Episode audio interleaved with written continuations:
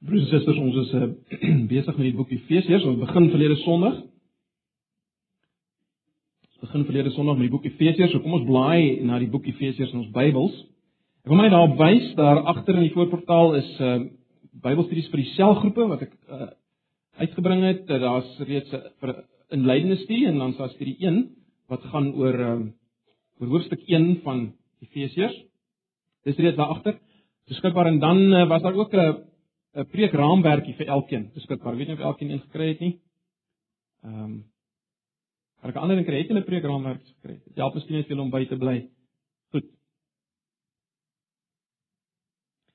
So dit is ook oop is by die boek Efesiërs. Kom ons ehm um, kom ons raak net weer stil vir die Here voor ons saam lees. Ons vra dat hy met ons sal praat, sal werk, ons sal vernuwe in ons denke vanoggend op 'n wonderlike manier. Kom ons bid saam.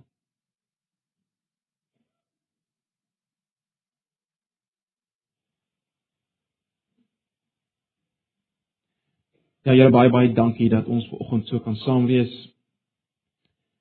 vir hierdie een doel en dit is om U groot te maak. U te loof en te prys vir wie U is, te aanbid vir wie U is. Groot, onbegryplik, heerliker as wat ons ooit kan dink, is U. Ag Vader, ek wil vra dat U dit nou rustig sal maak in ons. Ons sal vergeet van al die geskarrel van die oggend Ons sal vergeet van alles wat hierdie week moet gebeur. Al hierdie dag ook nog.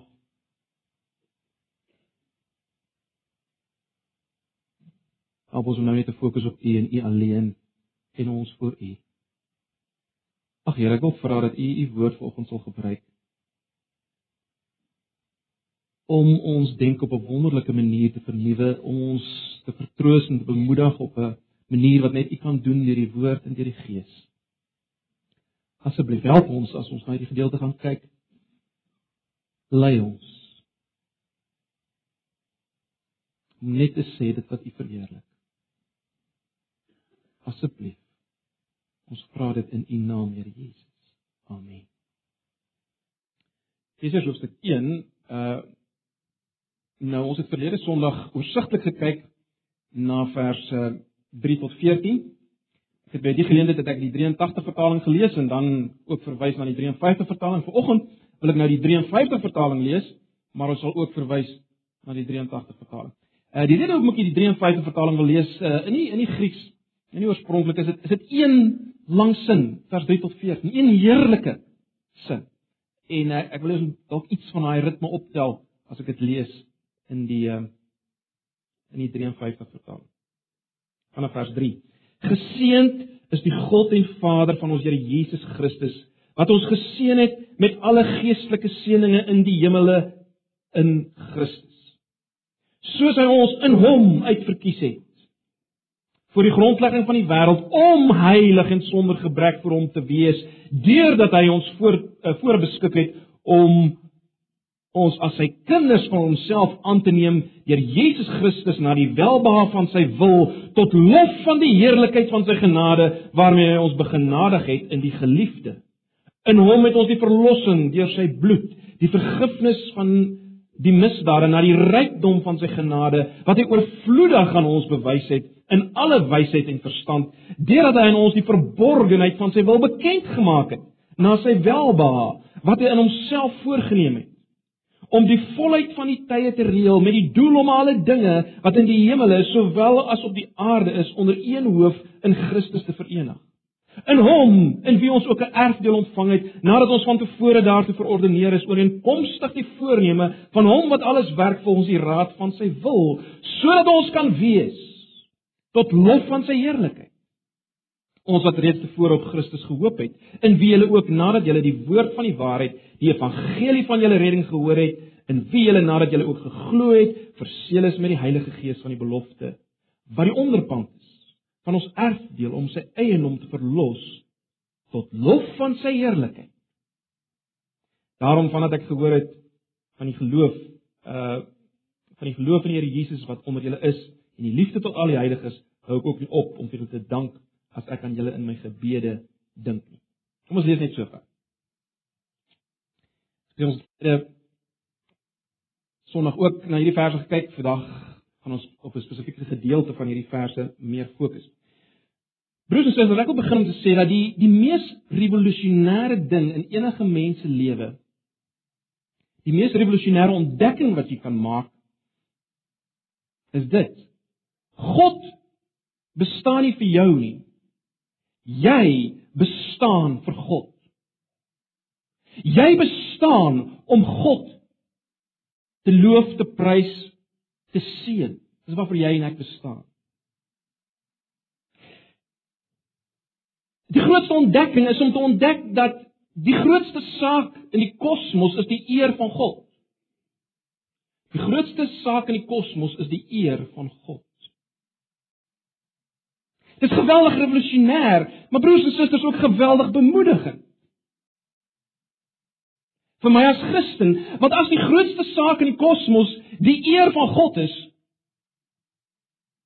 dan is ek as Christen in 'n wonderlike posisie, dan gee dit my geweldige sekerheid, want God sal sorg dat hy geëer word. Niks kan dit verhoed nie en daarom gee dit vir my geweldige sekerheid. En daarom broers en susters, as Paulus hierdie brief skryf aan die gemeente in Efese, as hy vir hierdie mense skryf om vir hulle te sê wie hulle is, waarvan hulle deel is, waarheen hulle op pad is, dan begin hy by God. Dan begin hy by God. Uh, ons tema verlede Sondag was dan ook God aan die werk, onthou julle? En hy doen dit om hulle sekerheid en vastigheid te gee. Die rede broers en susters hoekom ons dikwels so depressief is en onseker is en moedeloos is in ons geestelike lewens is omrede ons by onsself begin, ons eie pogings, ons eie stryd en worsteling Ons begin daar en ons eindig daar. Paulus wil hierdie gemeente se koppe oplig om God raak te sien, God wat aan die werk is. Ons het gesien Paulus wys God het iets gedoen. God is besig om te, iets te doen en God gaan nog dinge doen. Ons het dit gesien uit vers 3 waar Paulus dit alles benoem of hy noem dit alles seëning. God het ons geseën. God het ons geseën met alle geestelike seënings in die hemele, in die onsigbare riem wat ons nie kan sien nie. Hulle ons het gesê dis dis wat die hemele hier beteken, die onsigbare riem. Onsigbare realiteit. Dis waar God ons geseën het. Gaan dit nie hier oor fisiese seënings nie, maar God het ons geseën in hierdie onsigbare riem. Hy het daar 'n werk vir ons gedoen as jy wil. En ons kan hierdie werk seëninge noem. Dinge wat hy in die verlede gedoen het, dinge wat hy steeds doen, dinge wat hy nog gaan doen. En as Paulus hieroor nadink in vers 3, dan kan hy nie anders as om vers 3 te begin soos die 53 vertaling dit stel, geseënd is die God en Vader van ons Here Jesus Christus nie. Of as jy die 83 vertaling het, aan God die Vader van ons Here Jesus Christus kom al die lof toe. As Paulus nadink oor hierdie werk wat God gedoen het, hierdie seënings, dan kan hy nie anders as om uit te bars in dank en lof aan God nie. Hy kan nie anders as om God te seën nie. En die oomblik as Paulus dit doen, dan bereik Paulus natuurlik sy skepingsdoel. Die oomblik as Paulus dit doen, dan gebeur die belangrikste ding in die kosmos. God word geëer. God word geëer. Nou, julle sal onthou ons het gesien daar is 'n paar seënings wat spesifiek uitgelig word in hoofstuk 1. En die eerste een van hierdie groot seënings waarmee God ons geseën het en wat Paulus hier beskryf, is die verkiesing of uitverkiesing wat God in die verlede gedoen het. Dis die eerste werk van God, let wel, waarvoor ons hom moet prys. Nou, broers en susters, die die uitverkiesing is natuurlik 'n Bybelse waarheid. Dit skryf van die begin af. Uh, Paulus sê nie iets niets vir die eerste keer hier nie. God as jy die Bybel lees, sien jy God is 'n verkiesende God. God kies byvoorbeeld een man Noag. Hy red Noag en sy gesin. God kies een man Abraham. En so kan ons aangaan. So is die Bybelse waarheid, God is 'n verkiesende God. Die vraag vanoggend is natuurlik of ons dit reg verstaan. Die vraag is of ons dit reg verstaan.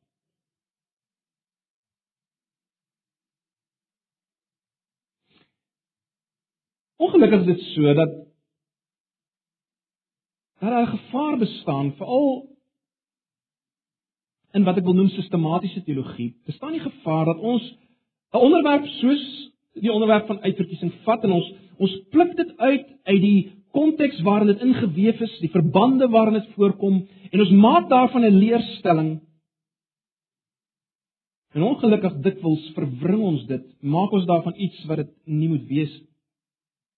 En dis wat gebeur ongelukkig gebeur het in die verlede ook met die uitverkiesing. Jy sien dit dit lei daartoe dat ons verkeerde afleidings maak oor uitverkiesing. Ons maak verkeerde afleidings. God word gesien as een wat voortrek byvoorbeeld. God word gesien as een wat onregverdig is, wat nie alle mense liefhet nie. Kom ek noem vir julle 'n voorbeeld van 'n reuse fout wat mense kon begaan rondom uitverkiesing. Jy sou byvoorbeeld 'n reuse fout begaan as jy sou dink God se verkiesing van Abraham beteken dat God nie veel voel vir die wêreld nie. Dis 'n reuse fout, is dit nie? Want waarvoor kies God Abraham uit? Juis om die wêreld te seën. So dis maar een voorbeeld, ons gaan nog baie ander noem. Maar broers en susters, ten diepste is die probleem dat ons dikwels sit met 'n koue leerstelling die koue leerstelling van uitverkiesing en God word nie geloof en geprys nie. Dis die groot probleem. God word nie geloof en geprys nie. Inteendeel, mense begin mekaar stry en redeneer oor hierdie leerstelling. Daar's die ouens wat feitelik aggressief raak vir die uitverkiesing. Jy kry amper die idee, hulle is baie bly dat God nie almal kies nie, maar dat hulle daarom gekies is. Dan kry jy ander ouens wat wat aggressief teen die uitverkiesing is. Hulle wil dit totaal uitlees uit die Bybel uit. Dit dit is net nie daar nie, dit bestaan nie. Bestaan nie. Hulle wil voorgee dit dit is nie in die Bybel nie. So wat ons vir mekaar moet sê vanoggend is dit: uitverkiesing is verseker 'n Bybelse waarheid. Maar nie alle menslike verduidelikings, nie alle menslike definisies, nie alle menslike reaksies, nie alle menslike toepassings van hierdie uitverkiesing is skrifgetrou.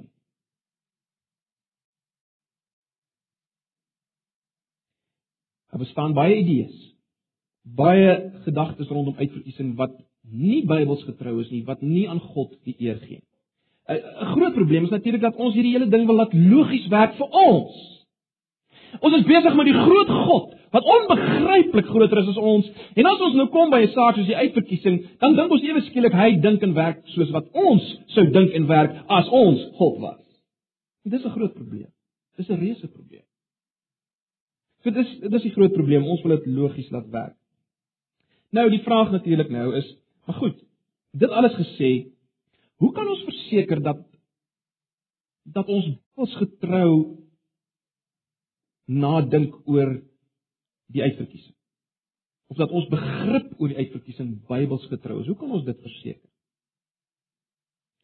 Nou broers en susters, deur oor die uitverkiesing te praat binne die konteks waarin dit voorkom in die Bybel.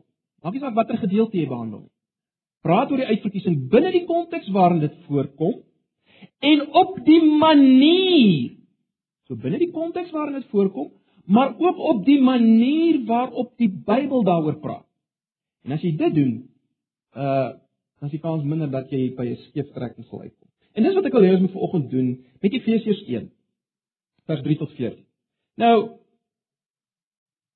julle ruk gelede het ek het ek gepraat oor hierdie onderwerp, ons nog na ander gedeeltes ook gekyk. En nou is ons besig met die boek Efesiërs en uh, kom ons kyk weer nou spesifiek na hierdie seëning van uitverkiesing binne Efesiërs 1. Iemand het op 'n stadium hierdie hierdie gedeelte 'n ligfoto van die uitverkiesing genoem. Ons kry hier 'n wye geheel beeld van die saak. Ons kry nie hier 'n 'n 'n detail uiteensetting of definisie van uitverkiesing nie. Nee, die die tema van uitverkiesing is ingeweef in hierdie hele gedeelte. Het julle dit raak gesien? Die tema van uitverkiesing is ingeweef in hierdie hele gedeelte. Ons lees in vers 4 van uitverkies. Ons lees van bestem of voorbeskik in vers 5. Ons lees weer in vers 11. Net kyk na vers 11. Lees ons weer in hom en wie ons ook 'n erfdeel ontvang het nadat ons van tevore daartoe verordeneer is. Dis die 53 vertaling. Ehm uh, vooruit bestem sê die nuwe vertaling. Ons bes, ons lees van die raadsbesluit van sy wil, die raad van sy wil aan die einde van vers 11. Jy sien die tema is ingeweef in hierdie hele gedeelte. En ek wil ons nou 'n bietjie kyk na hierdie ligfoto. Nou alles wat oor uitverkiesing gesê kan word word natuurlik nie hier gesê maar dit help ons tog broers en susters om duidelike lyne te trek uh wat ons sal help om om Bybels te dink en te praat oor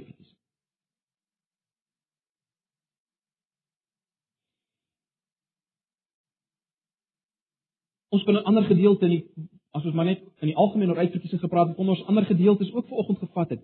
En en en jy sou vind as mens ook daardie gedeeltes binne in 'n groter konteks bekyk, byvoorbeeld Romeine 9 binne Romeine 9 10 en 11 wat 'n een eenheid is, dan kom jy tot verrassende konklusies, gevolgtrekkings. Wat dikwels anders is as die waarmee ons sit. Maar vanoggend kyk ons dan na hierdie ligfoto.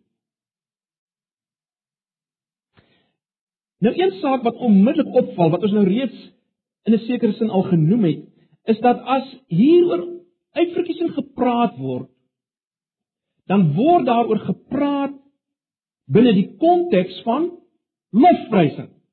Hey, ons het al reeds mekaar gesê. As hieroor uitverkiesing gepraat word, dan word daar gepraat oor hierdie saak binne die konteks van lofprysing. Met ander woorde, die uitverkiesing is 'n saak om oor te jubel en te juig sien julle dit?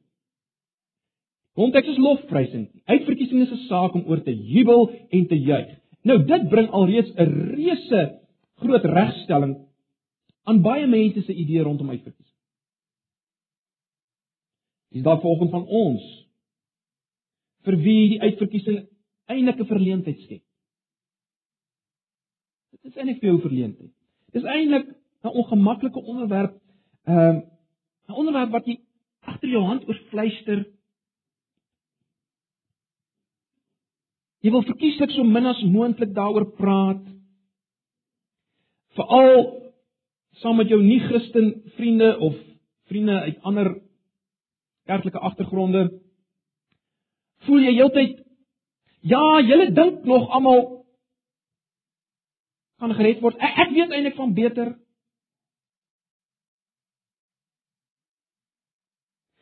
Dis so half 'n negatiewe hartseer saak. Ek aanvaar dit want ek glo God is soewerein en en ek ek glo die skrif so ek aanvaar dit, maar ek sou eintlik verkies as daar nie so iets soos uitverkiesing was nie. Dit is ongemaklik. Ek sou eintlik verkies het as daar nie so iets was. Vir ander en dalk is daar van julle vanoggend hier, is dit 'n vreesaanjaende, skrikwekkende onderwerp. Dit hang soos 'n dreigende swaard oor jou geloofslewe. Dit bring geweldig twyfel by jou. Daar's voortdurend hierdie vreetende onsekerheid. Dit maak dat jy geen blydskap het nie want want kyk jy sukkel en jy worstel in jou geestelike lewe en is dit nie dalk 'n aanduiding dat jy nie uitverkies is nie? Hoe sal jy weet? Hoe op aarde sal jy weet? So vir sommige is dit 'n skrikwekkende onderwerp. Wat as ek nie skrikwekkend. Dit voel soos 'n ondeurdringbare muur. Broers en susters. Hoe anders praat hierdie gedeelte nie oor uitverkiesing? Het julle dit raak gesien? Nie fluisterend nie, maar jubelend. Nie in terme van vrees nie, maar in dankbare blydskap. Nie as 'n saak van verskrikking nie, maar binne die konteks van oorvloedige genade. Dis hoe hierdie gedeelte daaroor praat. Die manier die manier waarop waarop God mense kies en red maak vir Paulus baie bly. Dis baie duidelik. Die manier waarop God mense kies en red maak vir Paulus ontsettend bly en en en die vraag is as dit vir ons nie bly maak nie, as dit nie vir ons bring tot lofprysing en aanbidding nie, dan is die vraag verstaan ons dit reg? Verstaan ons dit soos dit moet verstaan? Het ons nie dalk 'n verwronge idee, 'n verwronge beeld uh van God en sy werk? Of van hoe God werk? So dis die eerste groot punt wat ons hier moet raak sien. Die uitverkiesing is iets om oor te jubel en te juig. Tweedens, uh is die uitverkiesing iets vertroostend en dis die basis, as ek dit so kan stel, van ons sekerheid en. Nie net iets om oor te jubel en te juig nie, dis iets vertroostend en is die basis van ons sekerheid en vastigheid. Kyk net weer na vers So het hy ons, kom ek lees nou maar die 83, so het hy ons nog voordat die wêreld geskep is. Voor die grondlegging van die wêreld, sê die 53 vertaling. Het hy ons in Christus uitverkies om heilig en onberispelik voor hom te wees. Nou mens moet baie versigtig wees uit watter hoek jy na hierdie frase kyk, of na hierdie feit kyk. As ons daai daarna kyk vanuit 'n negatiewe hoek, uh as ons vanuit 'n negatiewe hoek na die hele saak van die uitverkiesing kyk terloops, dan uh, dan kan ons dink dat ons onmiddellik nou hier sit met 'n stuk geweldige fatalisme. Voor die grondlegging van die wêreld. Ja, sien. Niemand het te sê nie. God het nou maar net eenvoudig party mense veroordeel bestem, party mense vir ewige lewe. Uh baie mense wil baie graag eintlik gered word, maar ag dit sal net nooit kan nie want dit dit gebeur voor die grondlegging van die wêreld. Jy sien dis as jy negatief daarna kyk. Sommige mense sal net nooit gered kan word. Maar broers en susters, dis nie waaroor dit hier gaan nie. Dis nie waaroor dit hier gaan nie. As jy so daaroor dink, dan maak jy verkeerde afleiding. Definitief nie Bybels is nie. Onthou net weer wat ons mekaar gesê het, hierdie stelling kom voor binne die konteks van lofprysing. In ander woorde, wat ook al hier gesê word, wat ook al presies hier bedoel word met hierdie frase ons is voor die grondlegging van die wêreld uitverkies, wat ook al daarmee bedoel word, dis iets positiefs. Ons moet dit so sien, dis iets positiefs. Jy sien dit gaan nie so seer of laat ek dit so stel. Ons moet onthou God is bo tyd soos wat ons tyd ken. En daarom ewigheid voor die skepping of voor die grondlegging van die wêreld gaan nie net oor 'n lang tyd in die verlede nie.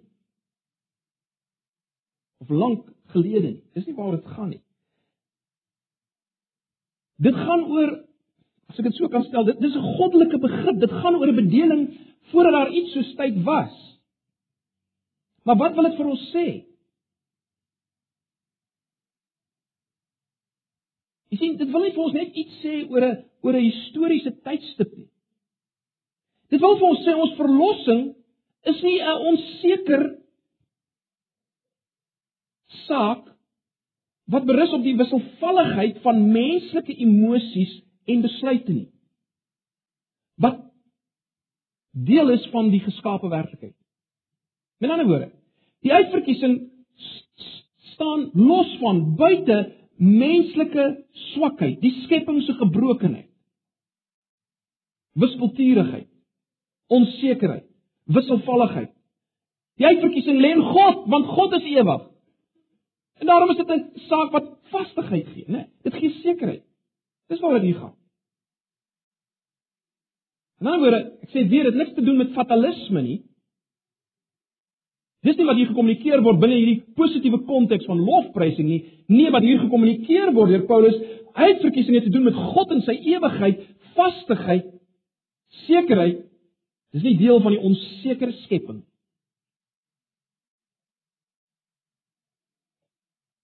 En omdat dit uit die wese van God voorkom, bring dit met ander woorde troos, né? Nee. Met ander woorde Paulus wil sê, kyk, julle verkiesing staan nie op losse skroewe nie. Dit kan nie sommer weer deur die wind weggewaai word nie, want dit is nie deel van hierdie gebroke skepping nie. Dit staan op vaste grond, nie op losse skroewe nie. So die uitverkiesing is iets vertroosting. 'n Derde ding wat ons hier moet raak sien is dat die uitverkiesing word deur die evangelie openbaar gemaak. Dit word deur die evangelie luister aan my klem openbaar gemaak. Kom ons lees net weer vers 9 en 10. Lees nou in die 83 vertaling. Vers 9: Hy het kragtens sy besluit en voorneme die geheimenis van sy wil aan ons bekend gemaak en dit deur Christus tot uitvoering gebring op die tyd wat hy daarvoor bepaal het. Sy bedoeling was om alles wat in die hemel en alles wat op die aarde is onder een hoof te verenig, naamlik onder Christus. Jy sien ons het, het hier te maak met 'n geheimenis, verseker. Maar wat sê Paulus? Dis 'n geheimenis wat bekend gemaak is. Hierdie hele saak van die uitverkiesing is deel van 'n geheimenis wat bekend gemaak is. In ander woord, dis nie 'n plan daar in die donker wat bedoel is om vir ons onsekerheid te gee of om ons in onsekerheid te hou nie. Baie belangrik, die die uitverkiesing staan nie los van die evangelie nie. Dit staan nie los van die evangelie nie. Dit word juis openbaar gemaak en ten uitvoer gebring deur die evangelie, deur die goeie nuus van Jesus word die word die uitverkiesing juis openbaar gemaak, sigbaar gemaak en tot uitvoer gebring, né? Nee. Anderswoorde is nie 'n weggesteekte saak nie. Iemand wat kaarte agter sy rug hou. Of in hierdie geval papier met klop name agter sy rug hou en en niemand weet eintlik Dis nie waar dit gaan nie. Dis openbaar gemaak in die evangelie.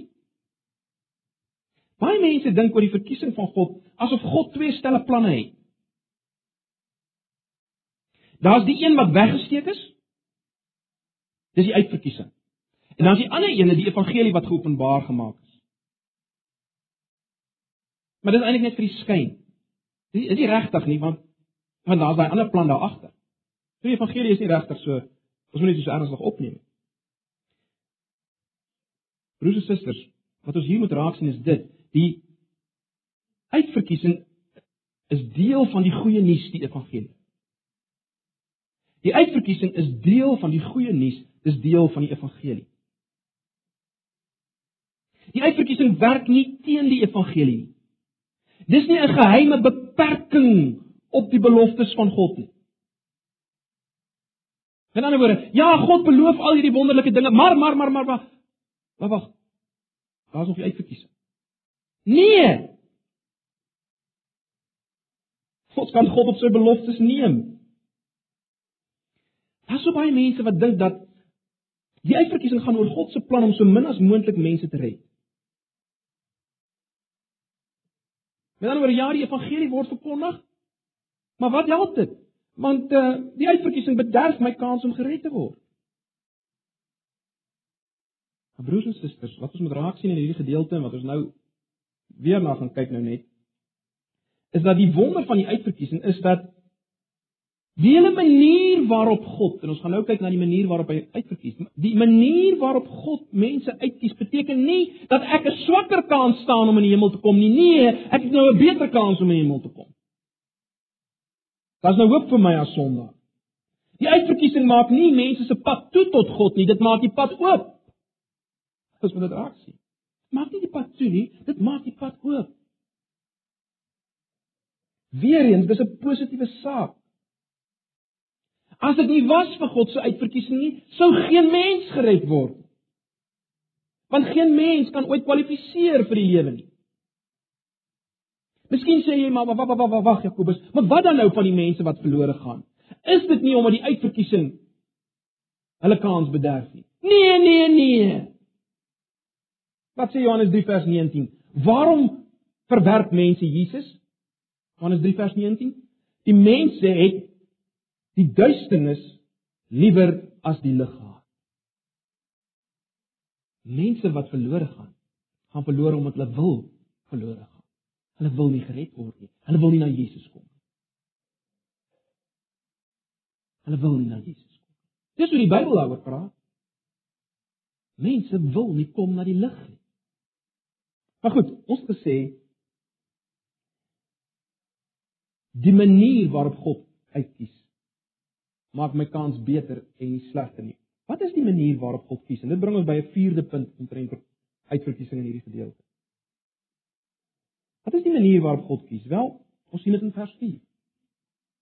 Broers en susters, God kies om dit so te stel, nie met die gooi van 'n dobbelsteen. God kies nie vanaf 'n lys met name wat hy doodtrek sommige onderstreep nie. God kies in Jesus Christus. sien julle dit? Vers 4. God kies in Christus. Vers 4. Sodat hy nog voordat die wêreld geskep is, ons in Christus uitverkies. In Christus uit. Of as jy wil vers 5 in liefde en op grond van genade alleen. In Christus in liefde en op grond van genade alleen. Nou onmiddellik as ons van Jesus praat, kan ons natuurlik nie langer dink aan 'n wrede God wat soveel as moontlik mense wil help toestuur. Want die God wat kies, is dieselfde God wat sy seun na die kruis gestuur het. Wat nie behaag het in die dood van 'n sondaar nie. Luister mooi wat sê ons. God kies mense in Jesus en net in Jesus.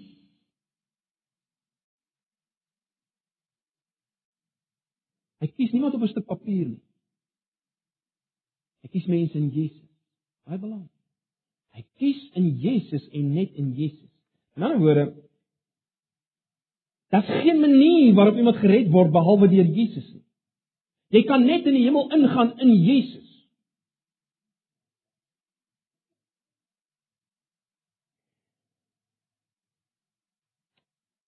Soos reeds gesê het, word bevestig nou hier, dit wat ons nou net gesê het word bevestig. God se uitverkiesing bots nie met die evangelie nie. Dit bots nie met die evangelie nie. Hy kies in Christus uit. Daarom as jy onseker is oor jou uitverkiesing, wel hoe beëindig jy jou onsekerheid? Plaas jou hoop in Jesus. Kyk na vers 12 en 13. Dis presies wat hierdie mense gedoen het in vers 12 en 13. Paulus sê vers 12 en 13, kom ek lees dit maar in die 83 vertaling. Daarom moet ons die eerstes wat ons hoop op Christus gestel het, die grootheid van God prys. Deur Christus het ons ook deel geword van die volk van God, toe julle die waarheid wat aan julle verkondig is, die evangelie van julle verlossing, gehoor en tot geloof gekom het. Selfs Johannes Calvin wat dikwels baie verkeerdelik gebruik word, uh het op 'n latere stadium in sy teologie gesê Christus is die spieël van die uitverkiesing. Christus is die spieël waarin jy jou uitverkiesing sien. In ander woorde, ek al fyn sê, moenie gaan soek agter die spieël na na 'n 'n donker plan nie. Christus is die spieël en jy kan dit vertrou. Jy word nie om die bos gelei nie. God lei jou nie om die bos nie. Jy kan sonder misleiding kyk na hierdie spieël. Broers en susters, wie is die uitverkorenes? Die wat in Christus is. Die wat in Christus.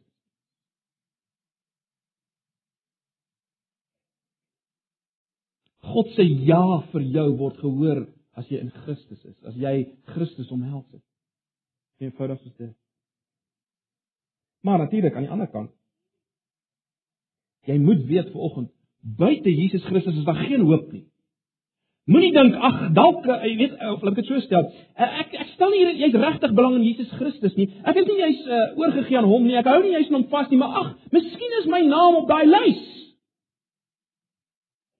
Nee. Daar's geen hoop vir jou. In Christus, die uit.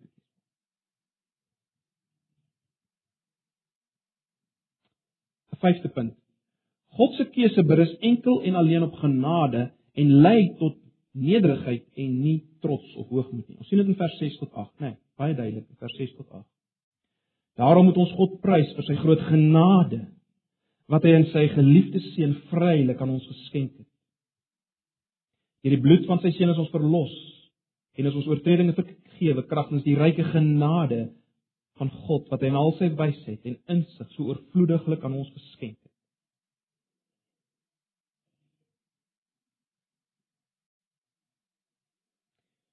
Nou as jy hierdie genade waarvan hier gepraat word saamneem met die feit dat die verkiesing plaasvind voor die skepping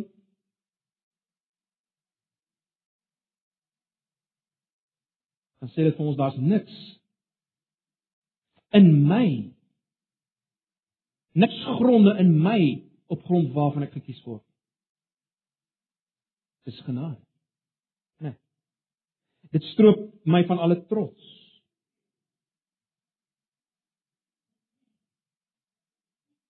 Hoekom onderstreep die die waarheid van die uitverkiesing? Hoekom onderstreep dit die genade van God? Wel broers en susters, want God kies sondaar. God kies sondaar.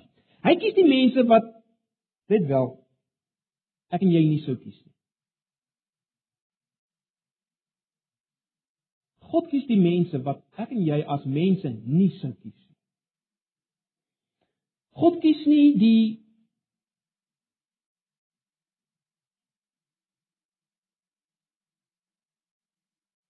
die room van die van die span. God kies nie soos ons 'n uh, springbokspan kies nie. Die beste ouens, die ouens wat die beste speel, hulle word gekies. God kies nie so nie. Dis hoe ek en jy sou kies, waarskynlik. God kies nie op meriete nie, né? Nee.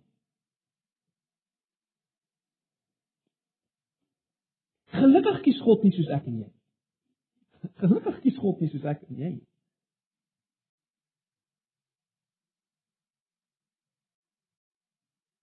Ons kies die mense wat presteer, wie kies God? God kies die swakkes. Ons kies die belangrikes, die wat in aansien is. God kies die laastes om die eerstes te wees, né? Nee. God kies sondaars. Broers en susters, gaan lees maar die Bybel en kyk jy wie kies God. Uh interessant daar in 1 Korintiërs 1 vers 26 sê Paulus: "Broers, kyk aan julle roeping. Kyk na wie God gekies het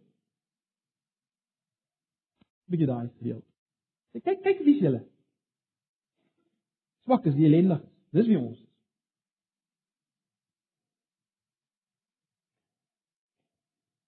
As jy wil weet hoe God, gaan kyk maar net na Jesus, né? Nee, dis op aarde. Wie is Jesus?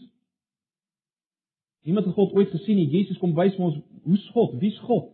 Kyk na Jesus as hy rond beweeg. Wie kies hy? Wie is hy? Baie interessant. Jesus gaan by al die die vooraanstaandes en die goeies vat met daai in uh, geleentheid toe in Jerigo is. Hy gaan by al die goeies en vooraanstaandes in Jerigo verby en dan gaan hy na die veragte korrupte Saggeus. Gaan kyk wie kies Jesus. En dan verstaan jy hoe kies God. En dan verstaan jy dat God onbegryplik meer ruimhartig is as wat ek en jy ooit sou wees as ons God moes wees. God kies broers en susters die onwaarskynlikste kandidaate vir sy koninkryk, is dit nie?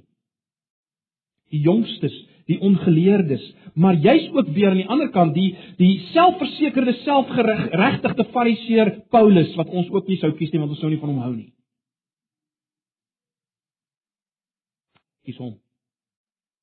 Kom ek stel dit so, die arms van die uitverkiesing is baie lank positief gestel. En dis rede om God te prys, broers en susters. God self moet alle krediet kry vir ons redding. Ons kan nie ons eie uitprys nie, ons eie prestasie, ons eie harde werk nie. God se genade word beklemtoon deur die Bybelse perspektief op uitverkiesing. En, en en is dit nie presies die teenoorgestelde wat ons wil doen met uitverkiesing. Die Bybel lê klem op God se genade, op sy barmhartigheid en uitverkiesing. Ons sê nee, dit wys God is onbarmhartig. Is nie 'n gruwelike verdraaiing nie? Ons gebruik dit om te sê God is onbarmhartig. Die Bybel praat daarvan in die konteks van genade. Barmhartig. God kies baie meer as wat ek en jy 'n Sesde punt. Rondom uitverkiesing is amper klaar. Heiligmaking is die uitvloeisel en die doel van uitverkiesing. sien julle dit reeds in vers 4 weer? So het hy ons nog voordat die wêreld geskep is in Christus uitverkies om heilig en onberispelik vir hom te wees. Om heilig en onberispelik vir hom te wees. Broers en susters, die uitverkiesing is nie 'n teoretiese en abstrakte saak nie. Dit raak jou lewe, jou alledaagse lewe, is dit nie? Uitverkies beteken jy's uit die wêreld. In 'n woord, die sondige stelsel wat in vyandskap teen God is, jy's uit hierdie wêreld gekies vir God. Om toegewy te wees aan hom, vir hom te lewe. Die uitverkiesing ruk jou los uit jou selfgerigtige sondige bestaan en plaas jou op die pad van heiligmaking. Om al meer te word soos Jesus. Romeine 8 beklem dit ook, né? Nee. So die uitverkiesing dryf tot heiligmaking. Of as jy dit wil, dit plaas die verpligting tot heiligmaking op my. En hoekom? Sodat God gesien kan word in my en jou lewens en hy uiteindelik weer die eer kan kry. Dis waar dit gaan. Dis waar alles gaan. Maar kan jy sien? Uitverkiesing is nie 'n saak om oor te debatteer nie. Dit is 'n saak vir lewe, om heilig te leef vir God. Dit my daagliks stimuleer. God het my geken. sodat hy geloof kan word. Dis waarvoor ek staan.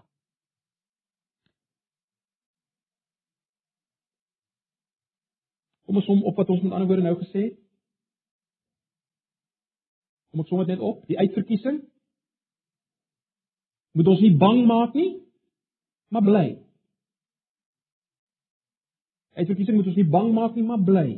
Die uitverkiesing moet ons nie in mismoedigheid laat swyg nie, maar positief laat jubel. Die uitverkiesing staan nie teenoor die evangelie nie, maar word jy sigbaar vir ons in die evangelie. Dit word nie in die skrif vir ons gegee as 'n rede tot vertwyfeling nie. Nee, dit bring juis sekerheid vir ons. Uitverkiesing dui nie op die beperkte genade van God nie, maar op die oorvloed van genade van God vir ons. Uitverkiesing is nie iets wat my kan laat goed voel oor myself nie, dit maak my nederig dankbaar. Uitverkiesing maak ons nie bekommerd of laat ons nie bekommerd nie, maar opgewonde. Dis nie 'n koue teoretiese saak om oor te spekuleer nie. Dit spoor my aan tot heiligmaking. Spoor my aan tot heiligmaking. Net 'n laaste opmerking, broers en susters. Die uitverkiesing is nie gegee vir ongelowiges nie, maar vir gelowiges. Efesiërs 1 begin met Paulus wat skryf aan mense aan wie God die Vader is. Dis vir Christene geskryf. Dit het net betekenis vir Christene. En daarom broers en susters, ons moet nooit ook kyk na nie Christene met uitverkiesings oë nie. Met ander woorde, ons moet nooit dink in terme van, "Sjoe, dalk is daai ou nie uitverkies nie. Ek gaan nie eers met hom probeer praat nie." Jy sien, dit dis nie waar uitverkiesing inpas nie. Dit lê aan ons kant vir ons om te besluit wie is dalk uitverkies en wie nie. Dis nie daar om my nie-Christen vriende bang te maak of onseker te maak nie. Nee. Wat moet ek bring? God se beloftes, wat ware beloftes is in Jesus Christus. Wys mense na Jesus. As jy self onseker is, vlug na Jesus.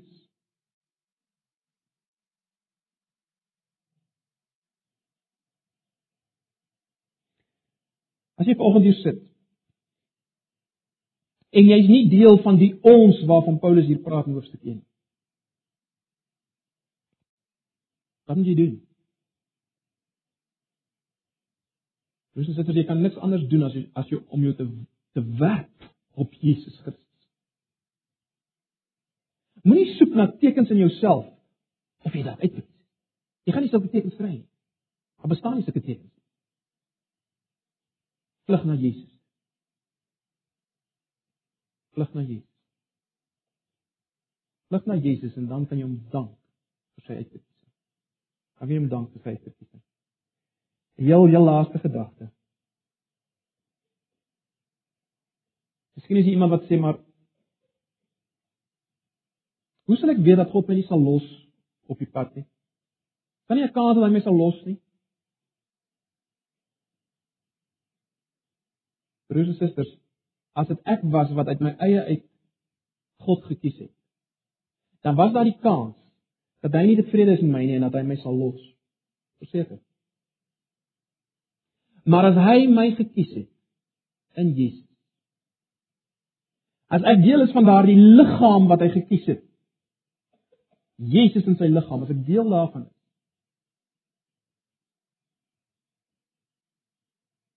Sal hy my nie los nie. Waar met ons begin? Ons gesê verkiesing is tot die eer en die lof van God. Dis die belangrikste saak in die kosmos. Dit sal nie misluk nie. En daarom sal hy my nie los nie. Nie omdat ek so oulik is. Nie omdat ek gaan vasbyt nie. Maar omdat hy vertrou is aan sy eie eer en sy naam sal nie misluk nie. Hy's God. Dis seker en vas. Ag broers en susters, mag die Here ons help om hierdie waarheid te vat. Wat nou wil vra net 'n paar oomblikke. Kom ons word net stil vir 'n paar oomblikke. Kom ons dank God spesifiek net vir die seëning van uitverkies. Ek dink dis die enigste toepassing wat ons kan maak op hierdie gedeelte. Kom ons dank God net in hierdie oomblik vir sy uitverkiesing. 'n Paar oomblikke van stil gebed, elkeen by homself. Dank God vir sy verkiesing. En dan sal ek afsluit. Maar Vader, ons wil saam met Paulus uitroep geseën is die God en Vader van ons Here Jesus Christus. Wat ons geseën het. Wat geseën het met die seëning van hy verkies.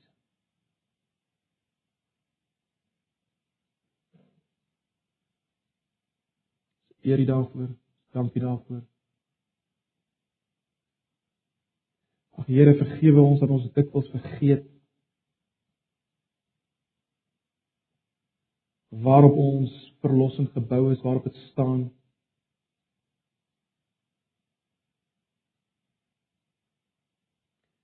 Vergewe ons dat ons dit wil net begin by onsself en eindig by onsself. Ek wil vra dat U deur die werking van die Gees en deur hierdie boek Efesiërs ons oë sal oplig en U sal laat raak sien op 'n nuwe manier. Asseblief, Here, bly dit van U. As jy vanoggend iemand is wat nog nie pas aan U nie. Vir wie Jesus Christus nog nie die grootste skat is nie. Wil ek bid dat U in hierdie oomblikke werk sal doen. Asseblief. Ons vra dit in Jesus se naam. Amen. Kom ons sluit af met 'n laaste lied.